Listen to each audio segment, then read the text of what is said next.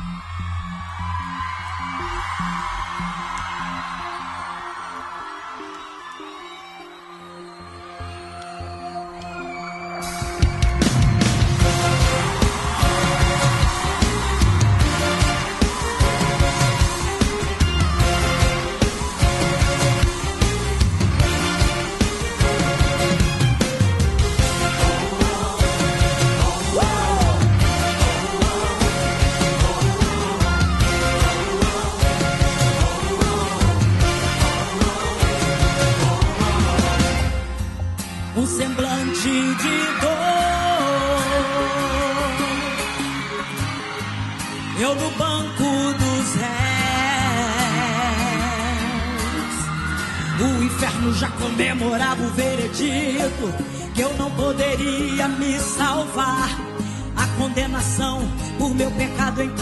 a morte eu teria que enfrentar. Mas Jesus se levantou.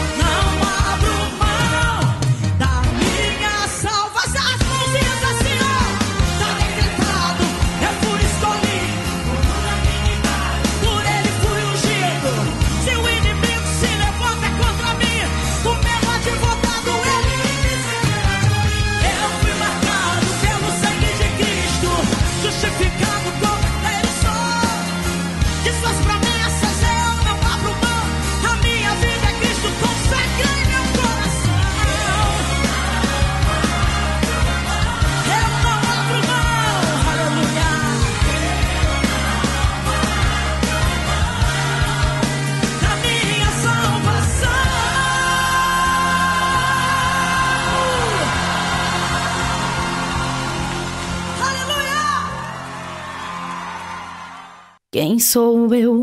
Pra quem sabe tudo sobre minhas dificuldades. Sou ninguém, sou nada. Quem sou eu? Pra quem sabe tudo sobre minhas fraquezas. Sou ninguém, sou nada.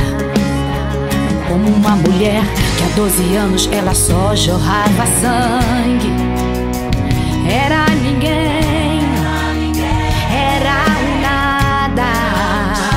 A lei dizia que ela era uma maldita, uma imunda. Ela era uma ninguém, era um nada. Mas quando ela viu Jesus se esforçou, na hora do vestido a mulher tocou e ele liberou naquele instante a cura.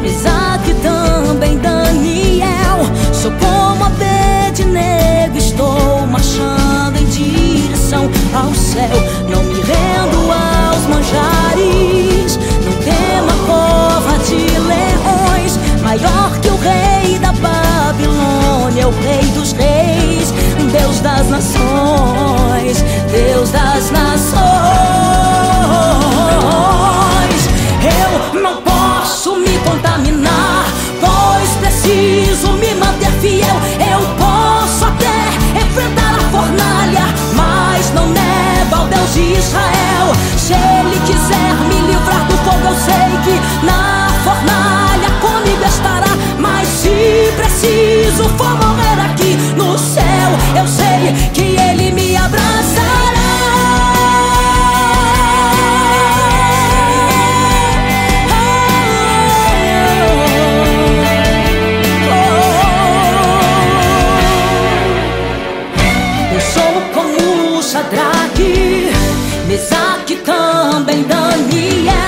Sou como a pede negro, estou marchando em direção ao céu.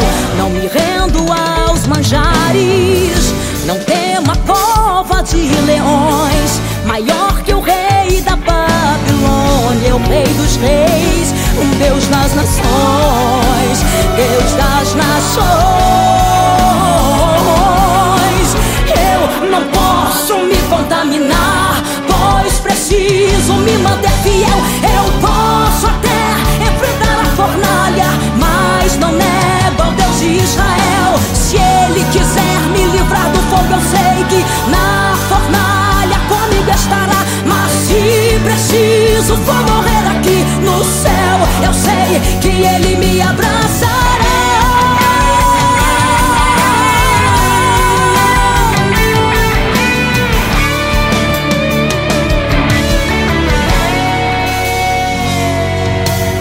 Segundo a minha intensa esperança De quem nada serei confundido.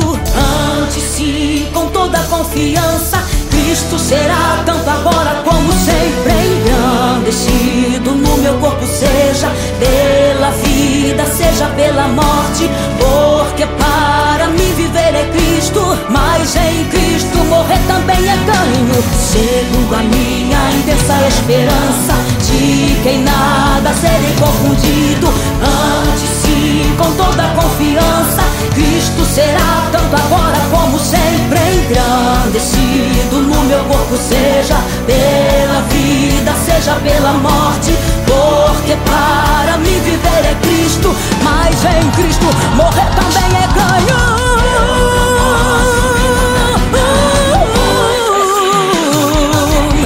Eu posso até enfrentar a fornalha, mas não Deus de Israel. Se Ele quiser me livrar do fogo, eu sei que na fornalha comigo estará. Mas se preciso for morrer aqui no céu, eu sei que Ele me abraçará.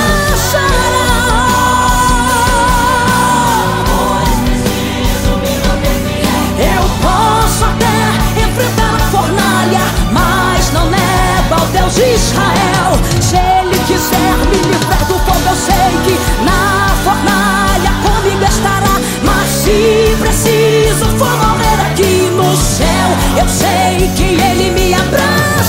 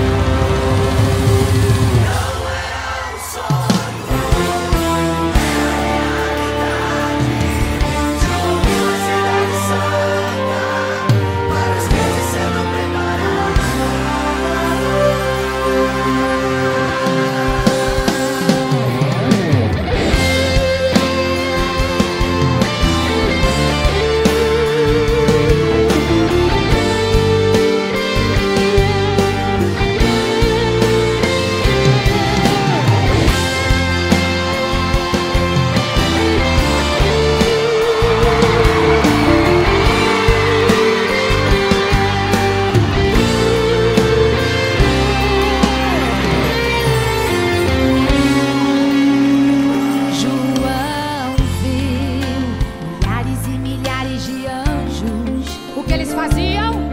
que voavam ao redor do trono, Quero ouvir vocês. que voavam ao redor do trono, Tá fraco, tá fraco? que voavam ao redor do trono.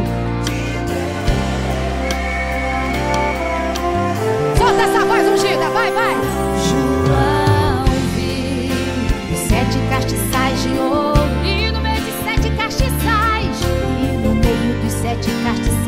Olha quem estava, um semelhante ao filho do homem. Quem era este homem? quem era este homem? Era Jesus de Nazaré. Eu quero ouvir São Sebastião soltar a voz comigo aí.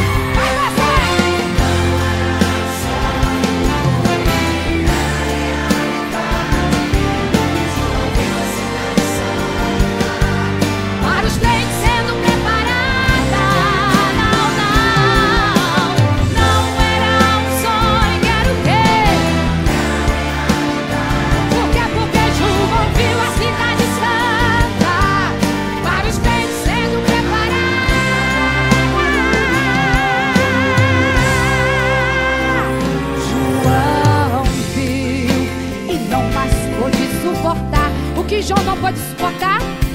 Todas essas maravilhas, oh, maravilha de Deus, preparadas para os seus filhos. E é para você herdar todas essas bênçãos. Quem vencer, quem vencedor aqui, levante a mão e diz glória a Deus. E eu, e eu, e eu também espero ver, ver quem, ver quem, o que foi morto que reviveu morte ele me venceu, oh glória! e Com isto a vida é eterna nos concedeu. Mãozinha pra cima, Senhor!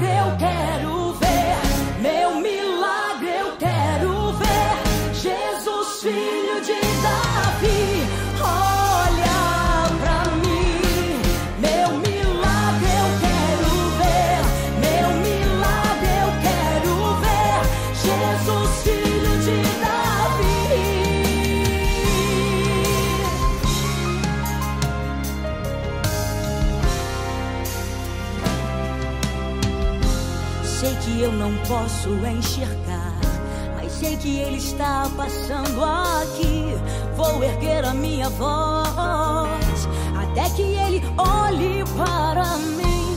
Esta chance eu não vou perder. Vou gritar para ele me ouvir. Jesus, filho de Davi, tenhas compaixão de mim. Me levanta deste chão. Aqui não é o meu lugar.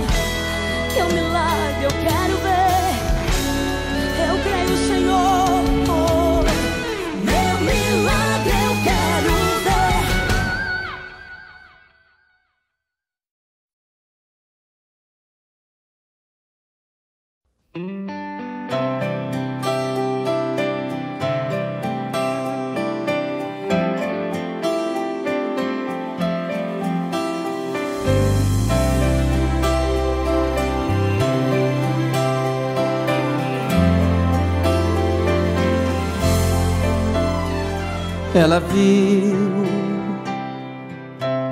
quando o mestre ali chegou. Numa casa ele entrou, ela então se apressou pra fazer o que sentia. Ela pegou um perfume muito raro dentro de um vaso caro, muito tempo de preparo pra usar naquele dia. Repudiaram o gesto dela e ela então ignorou. O que ela mais queria era adorar o Salvador. Pelo tanto que chorava, os pés dele ela molhava, mas com os cabelos ela o enxugou. Só ele e ela sabiam o porquê da adoração.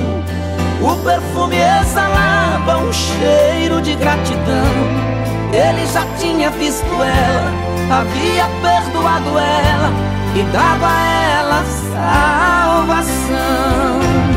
Servir a ele não tem preço, adorar a ele não tem preço.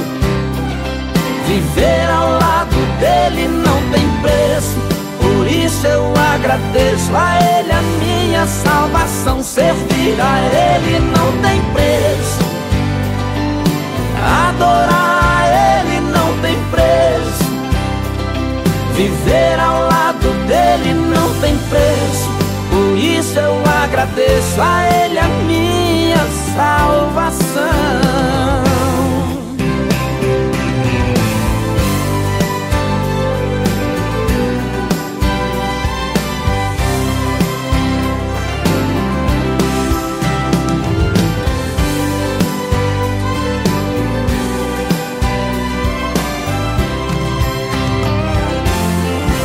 Repudiaram o gesto dela e ela então ignorou. O que ela mais queria era adorar o Salvador. Pelo tanto que chorava, os pés dele ela molhava, mas com os cabelos ela o enxugou. Só ele e ela sabiam o porquê da adoração. O perfume exalava um cheiro de gratidão. Ele já tinha visto ela e havia perdoado ela e dado a ela salvação. Servir a Ele não tem preço, adorar a Ele não tem preço, viver ao lado dele não tem preço. Por isso eu agradeço a Ele a minha salvação. Servir a Ele não tem preço.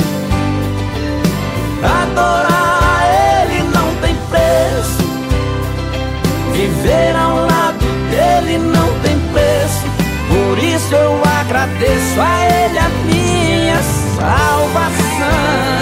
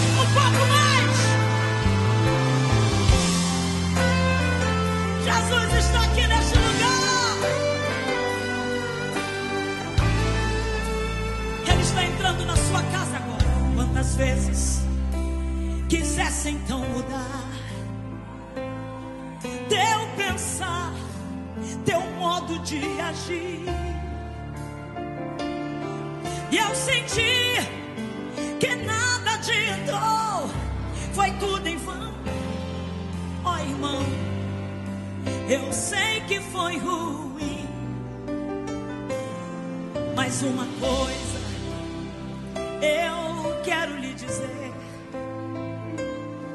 Deus te ama assim como tu és.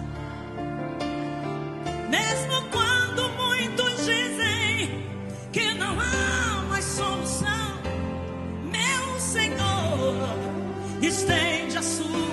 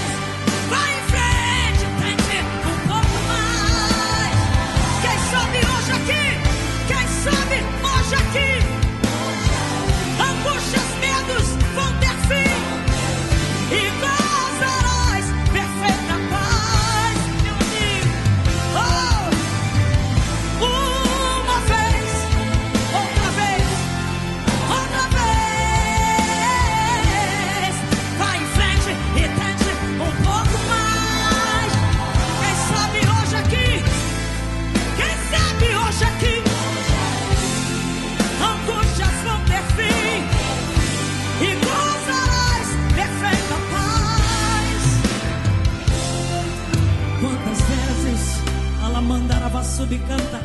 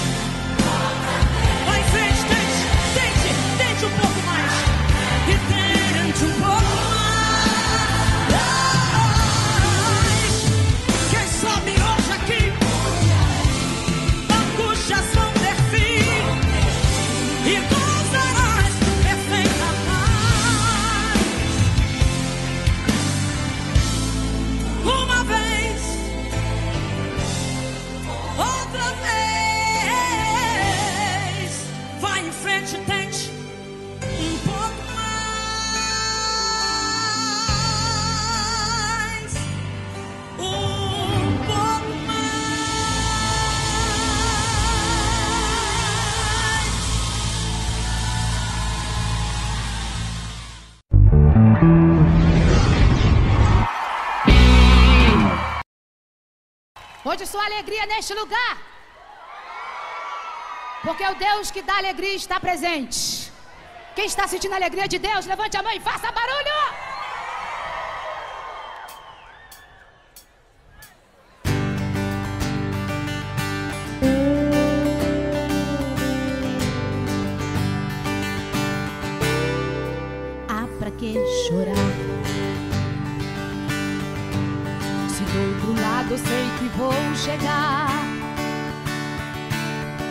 cordas que me lançam faço de degraus. E subo as escadas sorrindo. Isso é lindo, vou enfrentar. De peito aberto, sem olhar atrás. Sabendo que eu consigo sempre mais. Não quero entregar os pontos, não.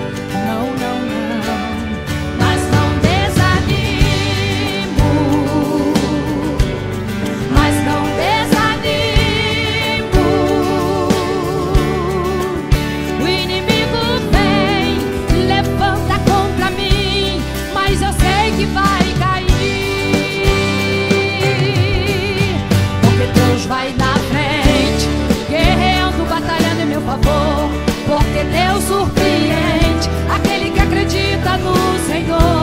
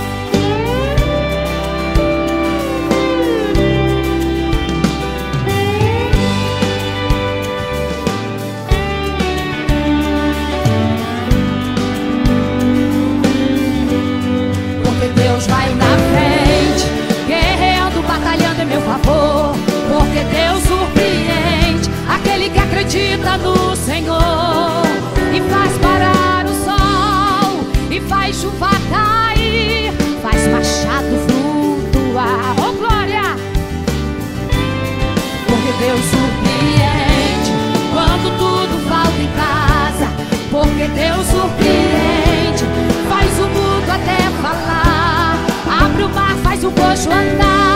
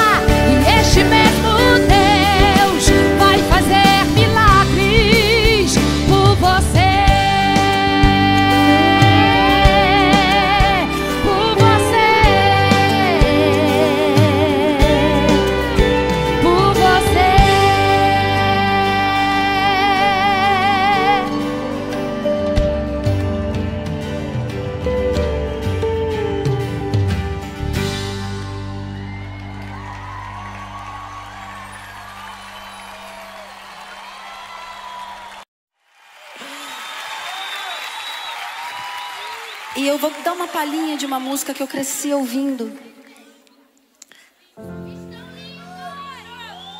A minha mãe é uma gata, né, gente? O meu pai também. Ele tem os olhos verdes que eu não puxei. Ninguém puxou, graças a Deus. Que se uma das minhas irmãs tivesse os olhos verdes, ia ficar revoltada. E a música é assim, ó. Cicatrizes que provam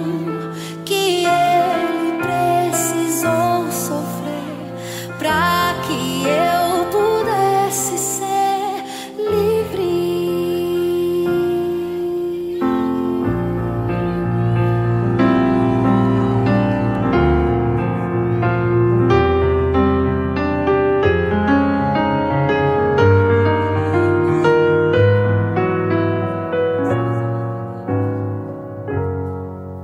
Ainda estou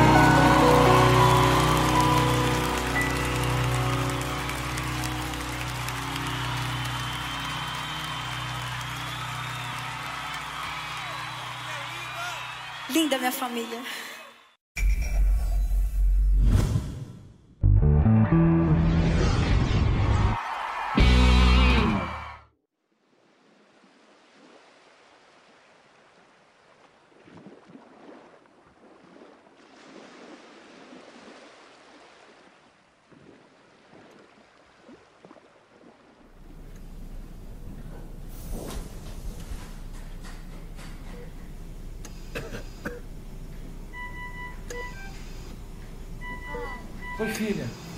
Vamos pra casa, eu quero ir embora.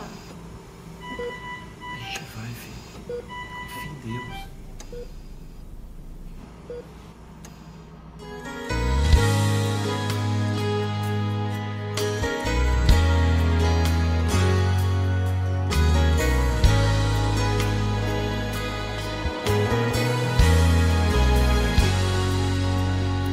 Mais uma vez, noite escura vem me intimidar. Mais uma vez, meu barco é alvo das ondas do mar.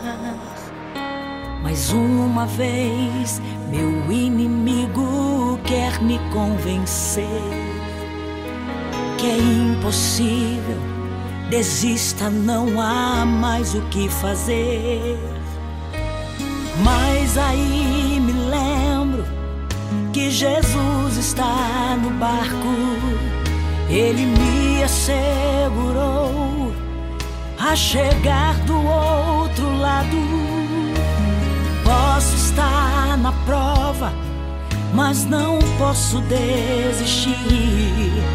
Pois eu sei que o meu Jesus nunca desistiu de mim. Ele não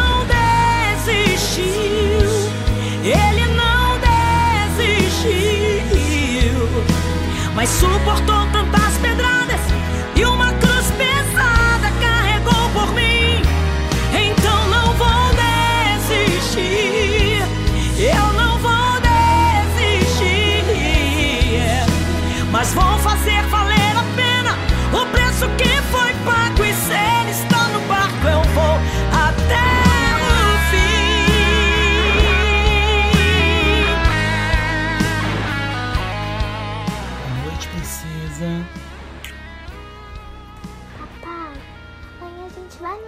pra eu voltar a andar? Pede papai do céu, filha. Ele vai nos dar condições. Mas aí me lembro que Jesus está no barco. Ele me assegurou a chegar do outro lado. Posso estar na prova, mas não posso desistir. Pois eu sei que meu Jesus nunca desistiu de mim. Ele não desistiu. Ele não desistiu. Mas suportou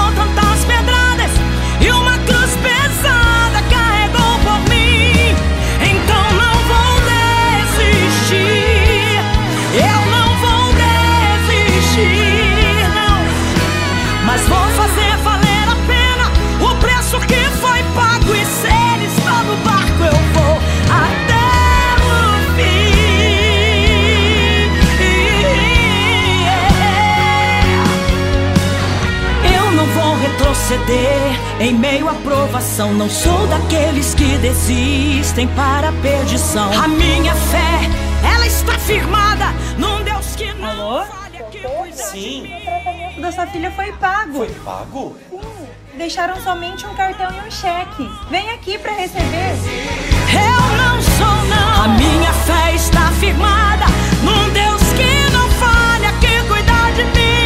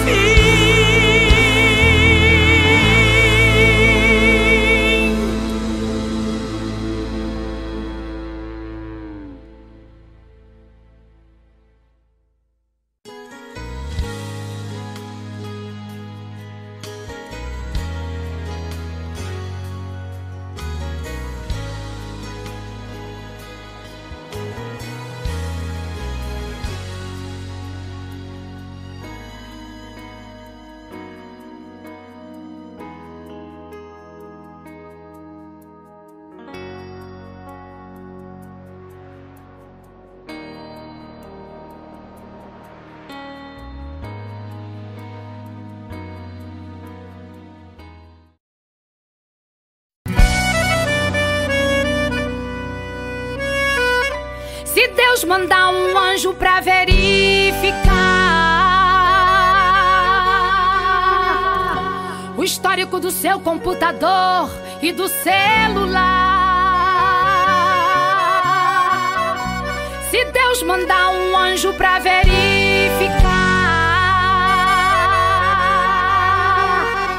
o histórico do seu computador e do celular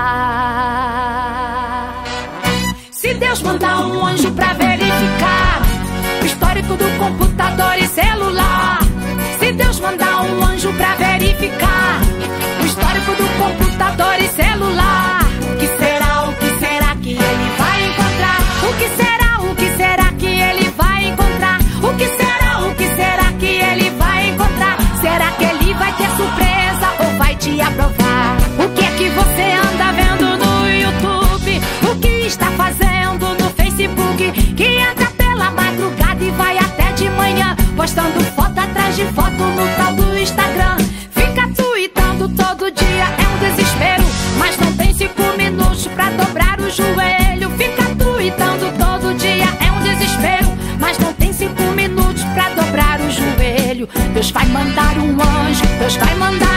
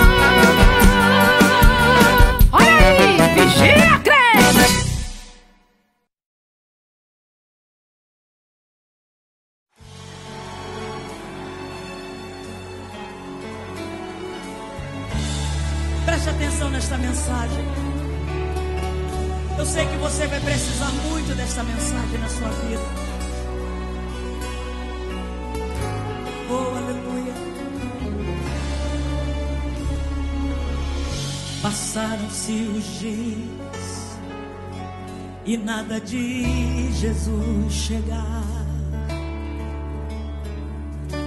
Uma inquietação tomava Betânia, cidade de um amigo amado. Perguntam cadê? Não dá mais pra esperar. Jesus conduzir o corpo ao sepulcro, seu amigo não vai mais chegar.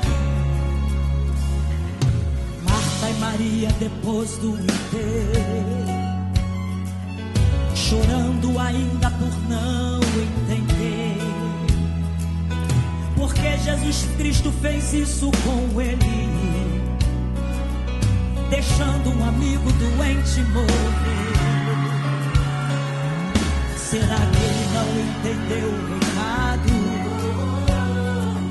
Será que ele foi induzido a não vir? Será que ele não quis saber mais do amigo? Será